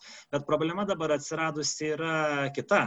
Jau 3 ar 4 metai iš eilės konkurse e, dalinti ir, ir, ir teikti tas paskolas dalyvauja tik vienas bankas. Ir ką, ką tai reiškia? Tai reiškia, kad dalyvaujant vienam privačiam bankui ateina laikas, kada tas sąlygas e, nustatys ne valstybė, o nustatys bankas. Ir taip yra nutikę šiemet. Šiemet jau yra pasiūlyta paskolų maržą didinti nuo 2,1 procentų iki 2,9 iš dalies tai galbūt netrodo tenai super didelė suma ir, ir super didelė marža, tačiau bet kokiu atveju pokytis pats nuo 2,1 iki 2,9 yra didžiulis. Ir tarsi yra argumentuojama, kad Latvijoje yra 3,5 ar kažkas tai panašaus, bet bet kokiu atveju, na, tai yra pasiekmė, kad na, mes matome, jog dalyvaujant tik tai vienam bankui, na, tiesiog sąlygos, kaip sakant, atsiranda kitos. O kas liečia paskolų dydį studijoms, tai taip maksimali suma yra numatyta, kokią turi minėjai, aš dabar irgi nežinau tikslių skaičių, bet, bet yra atskirų, atskiri prašymai, kur studentas gali kreiptis ir gauti gerokai didesnę sumą. Ten tikrai kažkaip tai biurokratiškai per daug laiko neužima ir valstybinis studijų fondas, jeigu nėra kažkokių tai didelių problemų, tikrai tą sumą gali pakelti atsižvelgdamas į tai, kad tiesiog studijos yra brangesnės. Bet vis tiek čia bet kokiu atveju paskolas reikia žiūrėti šiek tiek atsakyti atsargiai, paprasta yra sakyti, kad suteikime lengvatinės paskolas ir taip toliau, bet bet kokiu atveju paskola yra paskola, tai yra finansiniai įsipareigojimai, tai yra ilgalaikiai finansiniai įsipareigojimai, kurie ateitie gali turėti na, tam tikras e, savo pasiekmes. Ir ne veltui iš tiesų valstybinis studijų fondas e, sako, ir mes tikrai lygiai taip pat diskusijose e, juos girdim, kad na, iš vienos pusės mes galim suteikti paskolas, tačiau e, yra tikrai nemaža dalis studentų, kurie na, tų paskolų negražina. Ir galiu pasakyti paprastą pavyzdį, kurį teikia ir valstybinis studijų fondas. Yra dalis studentų, kurie pasiema paskolą, tarkim, pragyvenimui, e, nutraukia studijas, tos paskolos negražina, jinai tiesiog yra. Įstoja po metų, vėl pasiema paskolą, vėl nutraukia studijas ir, tu, ir yra dalis studentų, kurie turi 3-4 skirtingas studijas, jų nebaigia ir ant viršaus dar, kaip sakant, tos visos paskolos. Tai taip, tas procentas, na, jų nėra didelis, tokių, na, kurie nu, trūksta elementariai čia turbūt finansinio e, raštingumo, tačiau vis tiek turbūt reikia matyti tokį gerokai platesnį kontekstą ir kad, na, kaip sakant, neprisižaistume su tomis, na, kartais galbūt per, tam, per didelėmis galimybėmis. Tai kadangi laikas senka, tai du paskutiniai klausimai - Monika ir Aivaras. Tai Monika, prašau. Bet jeigu galima tiesiog labai trumpai, aš neku apie lietuvišką banką, nes SEP yra ne mūsų bankas ir jis sieks pelno bet kuriuom sąlygom, tai yra vienas dalykas ir ta paskola turi būti beprocentinė. Tai gal tada Aivaras, kadangi ilgai kelia ranką, tai prašau. E, labą vakarą, ar esu girdimas? Girdimas. Taip, sveiki visi. E, tai aš e, turbūt atkreipsiu dėmesį, vis tik tai čia diskusija plačiai išsiplėtojo į, į tai, kaip studentui gyventi, iš ko tos ketverius, penkerius ir panašiai metus, bet vis dėlto, jeigu kalbam apie mm, praktikos apmokėjimo klausimą, tai yra turbūt vieno ar dviejų mėnesių klausimas. Ir ar tai keičia iš esmės situaciją, ar tos praktikos bus apmokamos ar nebus. Tai čia toksai vat, pastebėjimas ir reikėtų žiūrėti, ar, ar mes čia apskritai į tai koncentruojamės, ar, ar reikėtų žiūrėti apskritai studijų modelį, kaip jį organizuoti, nes tikrai dviejų mėnesių ar vieno mėnesio nu, nepakeis esmės. Dabar vėlgi, aš matyti esu iš tų studentų, kuris turbūt galėtų sakyti, kad nu, kažkiek man sekėsi turbūt gyvenime. Aš praktikantas buvau 2008 metais Vilniaus universiteto teisės fakulteto E, buvau užsiūstas ir man mokėjo už praktiką. Ir, ir kas įdomu, tai buvo 2008 metai, tai yra seniai, kitaip tariant, ganėtinai. Ir net nebuvo kalbos su darbdaviu, kad man mokėtų. Tai yra pats darbdavys siūlė ir net nebuvo tokios kalbos, ką aš dabar darysiu ir aš neturėjau prašyti darbdavio, kad ten kažkaip. Tai buvo darbdavio pasiūlymas, darbdavio iniciatyva ir mes kalbėjomės, nu, daug maž, bet tai buvo tikrai uh, maloniau padariau, aš neturėjau prašyti, žemintis ar reikalauti, ar kad yra per mažai, tai buvo padori suma, tai dar lietai buvo žinoma. E, bet kita vertus, ai, e, svarbu ir tai, kad aš paskui likau pas tą darbdavį ir dirbu iki šiol. Na, bet kita vertus, e, reikėtų pažymėti ir tai, kad darbdavys, kuris investuoja, jis turi, turi irgi kažką gauti ir aš, sakykime, esu pabuvęs ne tik praktikanto vietoje, man yra per savo jau karjerą ir patirtį teko pabūti ir praktikos vadovo vietoje. Aš pats esu vadovavęs Erasmus praktikos studentams, kurie buvo atvykę iš kitos šalies ir galiu pasakyti, kad tie du mėnesiai, kuriuos jie praleido mano vadovaujami, aš turėjau daugiau darbo negu studentai siekdamas užtikrinti, kad jų dalyvavimas čia būtų prasmingas, kad tai, ką jie daro, atitiktų bent kažkokią kokybės kartelę. Na, tai yra iššūkis. Tas žmogus, kuris moko, kuris dalinasi, kuris sąžiningai stengiasi perduoti savo patirtį studentui, tai yra atsakingas ir labai daug laiko užimantis darbas. Tai irgi turi būti atlyginama. Dėl to, ką aš norėjau pasakyti, svarbu atkreipti dėmesį, kad tikrai, vat, kaip ir gerbiamas ponas Arvydas sakė, nu, nieko nemokamo nėra, iš kažkur turėtų būti tai finansuojama. Ir viena vertus teisė yra gerai, bet turi būti ir įsipareigojimas. Tai ar studentas, aš, sakykime, neturėdamas nei jokių pažinčių, nei jokių ten ypatingų kažko, aš taip pat turėjau spręsti savo pajamų klausimą visų studijų metu, ne tik apie praktiką kalbant. Nu, žinoma, aš vasarom dirbdavau kažkur, kur galėdavau, kad neužimtų studijų laiko. Bet svarbu yra motivacija. Studentas, kuris ieško, darbdavys, kuris yra motivuotas surasti gerą ateities e, darbuotoją. Na ir visos e, institucijos, valstybė taip pat turi būti motivuota turėti gerų piliečių, kurie mokėtų paskui mokesčius. Tai žinoma, aš manau visa, vienareikšmiškai, kad jeigu mes apsimesim, kad kažkas yra nemokama valstybėje, ar tai būtų studentų praktika, ar studijos, ar dar kažkas, nebus atsakomybės. Nemokamas daiktas niekada nesukelia motivacijos, niekada, e, visą laiką sukuria nemokamumo iliuziją, E, tada, kai nemokama, niekas už nieką neatsako, visiems atrodo, ai, nu tai kažkas pasirūpins, viskas čia ok ir taip toliau, taip toliau. Tai yra tik iliuzija, bet jeigu studentas bus motivuotas įrodyti darbdaviui, kad jis tikrai yra vertingas, nu, sakykime, jeigu aš darbdaviui patikau ir, ir iki šiol ten dirbu, vadinasi, sugebėjau tai įrodyti, bet aš siunčiau į skirtingas vietas, o mane pagaliau pasikvietė ir atrinko. E, kiekvienas turi parodyti savo iniciatyvą. Darbdavys turi taip pat aktyviai kreiptis į E, aukštojo mokslo institucijas, ieškoti, sakyti, aš ieškau gerų kadrų ir reikia sukurti alternatyvius modelius. Ne tik tais, kad privalomai nuleisti reikalavimą, kad dabar kažkas mokės, ar valstybė, ar darbdavys, ar kažkas.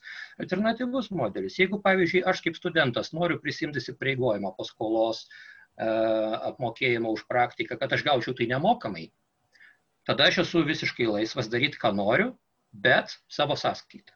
Jeigu aš noriu, kad man kažkas duotų apmokėtų, tada aš turiu įsipareigoti savo valstybei, savo universitetui, likti čia mokesčių mokėtojų ir taip toliau, taip toliau.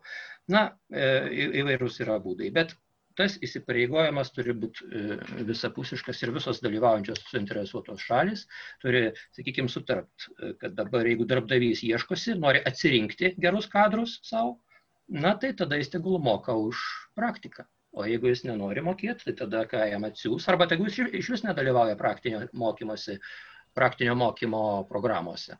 Na tai kitaip tariant, visi šitų procesų dalyviai, pradedant nuo politiko, kurie atstovauja valstybei, tiek iki paties žemiausio lygio ten darbdavio ar studento, visi turi atlikti savo darbo dalį ir suprasti, kad jų reikalavimas, jų teisė turi atitikti kažkokį įsipareigojimą, kažkokią pareigą, tada visiems bus gerai. Bet aš noriu prieš tik vieną, niekada nieko iš nieko neprašiau, daug nesitikėjau, žinojau, kad aš esu pats savo tas pirmasis žmogus, kuris atsako už savo paties gerovę. Tikėtis, kad kažkoks mesijas nužengs ir man tai išspręs viską, nu, taip dėja nebūna ir aš išmokau gyventi iš tų šimto ar dviejų šimtų eurų užsienio valstybėje. Nu, kaip yra, taip yra, bet reikia stengtis. Ačiū. E, tai duodam paskutinį klausimą Monikai, jeigu gali ir nori. Prašau. Taip, aš trumpai, jeigu mane girdit, mano ryšys gali trukinėti. Dabar girdisi viskas? Tai tiesiog Girdis. iš to, ką kalbėjom, tai tiesiog atrodo, kad visi sutarė, kad bent jau minimal, e, kad, nu, min, e, minimali riba turėtų būti, kad bent jau studentas neturėtų papildomų išlaidų turėti. E, praktikos metu. Tai um, toks pirmas dalykas ir tada iškart noriu klausti apie finansavimo būdus, kaip padengti tas praktikos išlaidas. Man pirminis, e, pirmintis, ateina, kurie ateina, tai būtent tai, ką e, Eigirdas Arkanas minėjo, tai kad kadangi yra krepšelis ir yra kreditai, kurie atitinka praktikos apimtį, tai galbūt tai galėtų būti vienas iš būdų, kaip finansuojama bent jau minim, minimal, minimali, minimalus praktikos finansavimas, tai būtent pagal tos atitinkamai kreditus, kurie skiriami praktikai pagal studijų programą, pagal krepšelį. Tai čia toks pasiūlymas ir įdomu, ką mano pranešėjai, kurie daugiau gilinasi šitą problemą. Um, tai čia, nes aš iš tikrųjų gana skeptiškai žiūriu į tą tiesiog steigti galimybę, kad būtų praktikos apmokamos, kaip uh, Davilė Šaklėnė minėjo, nes uh, iš tikrųjų, tai aišku, pelnai, jeigu uh, verslai, jeigu norės, tai ir staupys ir tik tais galimybės teikimas sumokėti, nemanau, kad bus pakankama prielaida, kad iš tikrųjų mokės studentas, kurie atlieka privalomą praktiką tai um, kažkaip, manau, kažkokios reikėtų gudresnio mechanizmo ir galbūt kažkaip diferencijuoti reikėtų tada praktikas pagal, pagal kažkokias skirtingas kryptis, kurios apskritai atneša pridėtinę vertę, kurios yra um, naudingos. Tai uh, turbūt viena iš minčių būtų apskritai irgi dar uh, pritarčiau Mundėkiui, kad atsisakyti visų privalomų praktikų ir palikti galbūt tik tas, kurios turi tikrai prasme, galbūt kaip teisininkų arba e, e, medikų slaugytojų, galbūt, nežinau, galbūt taikomųjų studijų krypčių.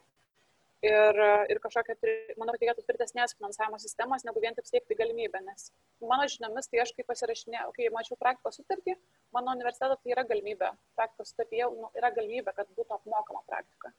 Bet tai nereiškia, niekas niekam nemokėjo žmonių, kaip sako. Tai tiesiog nemanau, kad galimybės užtektų, reikia kažkur rimtesnių mechanizmų. Tai įdomu, ar turite idėjų, kaip yra kitur, galbūt kitose šalyse jau yra kažkokie mechanizmai, ir ar tas e, galbūt apmokėjimo mechanizmas pagal kreditus kažkaip, ar suveiktų bent kažkiek padengti išlaidas. Jeigu yra laiko, būtų įdomu išgirsti nuomonės. Jeigu nėra, tai laiksiu komentarus. Tai ačiū už klausimą. Tai dabar padarom tokį uždarimą, tai kiekvienam po tam tikrą trumpą galima ir atsakymą arba tam tikrą pabaigos žodį. Tai gal kas pirmi, o paskui jau likusi. Prašau. Galiu aš. Prašau, Romas, Arvidas. Aš dėl banko čia kilo klausimas, tai man tai iš vis nesuprantama, ko čia dėti bankai, todėl kad e, jiems rizika, e, rizika, žodžiu, padengia ar, ar apsaugo nuo rizikos valstybė. Tai bankas šiuo atveju veikia kaip e, kasa, kur išmoka pinigus, tai gali bet kokia organizacija tą padaryti. Tikrai, čia nėra, todėl esmė ir buvo tokia, kad valstybė garantuoja bankams, jeigu studentas yra nemokus, kaip ten minėjot, kaip nors atsitinka, tai bankas nenukenčia, nukenčia valstybė jam dengia. Tai čia bankams ne, neturėtų būti kas, kas veikti. Dabar antras dar dalykas, gal e, ką, ką aš nespėjau pasakyti, tai e, ir, ir dabar tiksliai nepasakysiu, bet verta pasidomėti, e, tai socialinės apsaugos rytyje yra ribojimai kai kurių dalykų amžiumi, ten kai studentas iki 24 metų mes esam susidūrę, kada našlaičio kokią nors pensiją, nu, žmogus studijuoja su vienu metu pertrauka magistratūroje ir jam nemoka, todėl kad jis yra per senas. Va, tai nors iki 24 ten moka. Tai tokių yra daugiau dalykų ten, kada iš šeimos sudėti skaičiuoja, tai neįskaičiuoja. Tai, žodžiu, rūpinantis studentų gerovė, man atrodo, reikėtų peržiūrėti socialinės apsaugos sistemą, kur tikrai visa, visai, visai nepagristi, tiesiog susiklostė standartiškai, kad vidurinė mokykla tam tikro amžiaus iš karto e, bakalauras ir viskas. O, o jeigu žmogus padarė, dabar padaro pertrauką ir, ir dėdosi du metus, tai čia verta dar dėmesio. O šiaip ačiū, ačiū labai už diskusiją, buvo įdomu. Ačiū. Arvidai, prašau Jūs. E, tai irgi labai ačiū, kad pakvietėt.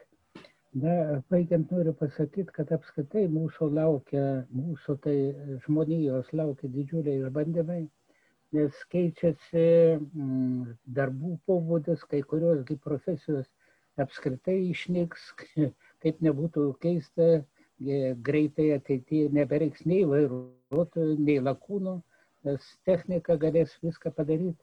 Ir reikia turėti galvoje, kad visus šitos e, išbandymus, kad e, atsiras labai daug nereikalingų žmonių. Tai keisis tada apskritai bendra situacija. Ir e, kas gali išgelbėti mus? Tik švietimas, kurį mes sėkmingai sugriovėm, ir sveikatos apsauga, kurią mes irgi sėkmingai sugriovėm. Jeigu mes neišgelbėsim šitų dviejų sričių, žmonijos ateitis ir mūsų lietuvėlės ateitis gana liūdna. Bet aš vienaip ar kitaip vis tiek esu optimistas, kad nežiūrint visų valdžių pastangų, mes vis tiek išgyvensim. Ačiū. Egirdai. Tai aš galbūt atsakysiu Monikos e, iškeltą klausimą, kad na, turbūt dabartiniai situacijai ir yra e, paprasčiausia, nes mes turime mechanizmą, kurį tikrai galima papildyti. Čia tiesiog yra turbūt pinigų klausimas, ar jų yra ir ar jų tenai galima, kaip sakant, papildomai įdėti. Nes papildyti vyriausybės nutarimą tikrai, tikrai yra įmanoma. Ir čia turbūt būtų geriausias, tai taip, nu, vienintelis turbūt dalykas yra, kad, na, reikėtų bet kokiu atveju pagal studijų kryptis e, diferencijuoti, nes bet kokiu atveju kredito kaina skirtingų studijų kryptynai, nori ar nenori, skiriasi. E, ir, ir čia turbūt būtų tas esminis sutarimas, nes mes pilotus turbūt e, daugiau kainuoja, nors pilotai ir apskritai turi tos praktikos gerokai daugiau. Bet, na, čia tiesiog kaip pavyzdys. Ir paskutinis žodis, Daviliai, prašau. Dėkui. Tai iš tikrųjų labai sutinku su Monikos klausimu dėl uh, kitų šalių patirčių, tai kaip tik todėl, kaip ir sakiau, Seimo tyrimų skyriuje yra užsakyta ta lyginamoji analizė, tai pasidalinsim, kai jie pateiks kaip tik duomenis, kaip yra reglamentuojamas tas praktikų apmokėjimas ES ir kitose vakarų šalise, nes kartais nereikia išradinėti dviračio, bet tada kalbant apie tą jūsų požiūrį, kad gal e, turėtų būti kiečiau negu tik galimybė, nu, nes niekas nenorės mokėti, tai e, vis tik tai reikia pasakyti, kad NVO idealizmas e, šiek tiek susirealistino po ketverių metų politikoje ir realistiškai aš manau, kad dešinieji milijonų neskirs tam, kad būtų apmokėtos visos praktikos, tai todėl vien įtvirtinimas galimybės, kad galėtų praktiką apmokėti tie, kurie šiandien gal visai norėtų tai daryti, tai yra savivaldos institucijos, kai kurios nevyriausybinės organizacijos, tai bent jau tai, kad galėtų būti įtvirtinta. Nes, kaip ir sakiau, jūsų sutartie numatyta, kad gali būti praktika apmokama, bet biudžetinės įstaigos šiandien teisiškai negali to daryti, nes neturi teisės, tai bent jau tą padaryti. Ir aš manau, kad vėlgi tas pilotų reklamavimas, parodimas, kad na, tai sukuria pridėtinę vertę galėtų duoti naudos, bet dabar aš galvoju, kad gal tikrai pagal tikrai tokį tam tikrą metą klausimą e, jūs to mandeikio užduota, kiek iš viso mums reikia privalomųjų praktikų, gal galėsim tą diskusiją išplėsti ir apskritai į praktikos vertės ir prasmės suvokimą, kiek ir kokių mums reikia. O ar jas galima rušiuoti pagal tai, kokioms specialybėms reikia praktikos, kokios ne, tai aš beveik esu tikra, kad jeigu čia mes turėtumėm vairių studijų krypčių atstovus, jie detaliai paaiškintų, kodėl jų srityje irgi reikia tos praktikos. Tai, nu, vat, ne, ne, nežinau, nenoriu prezimuoti už juos, kad galėtume mes iš šono nuspręsti. Aš gal kaip psichologė, na, teisės psichologė, galbūt manyčiau, kad, na, va štai, gal daugam iš šono atrodo, kam čia man reikia praktikos. O jo labai reikia iš tikrųjų.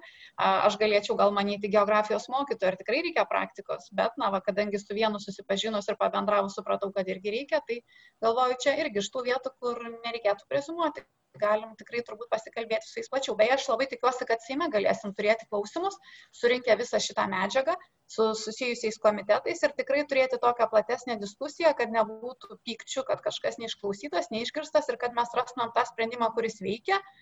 Irgi su ta vis tik tai tokia pesimistiška, realistiška nuostata mm, nebus tikriausiai tam skiriama daug pinigų, tai pažiūrėkim, kiek maksimaliai galėtumėm išgauti. Dėkui labai už labai gerą diskusiją ir dar už netikėtus papildomus diskusijos dalyvius. Tikrai buvo labai naudinga. Ačiū. Taigi, uždarant diskusiją, ačiū prelegentams ir klausytojams. Už turiningą ir įdomią diskusiją kviečiu pasiekti Tolerantiško jaunimo asociacijos ir studentų judėjimo šauksmas Facebook'o puslapius, klausytis Univermago podcast'o ar skaityti tekstus puslapyje šauksmas.net. Iki kitų susitikimų. Nori, kad visi išeitų į netraukiu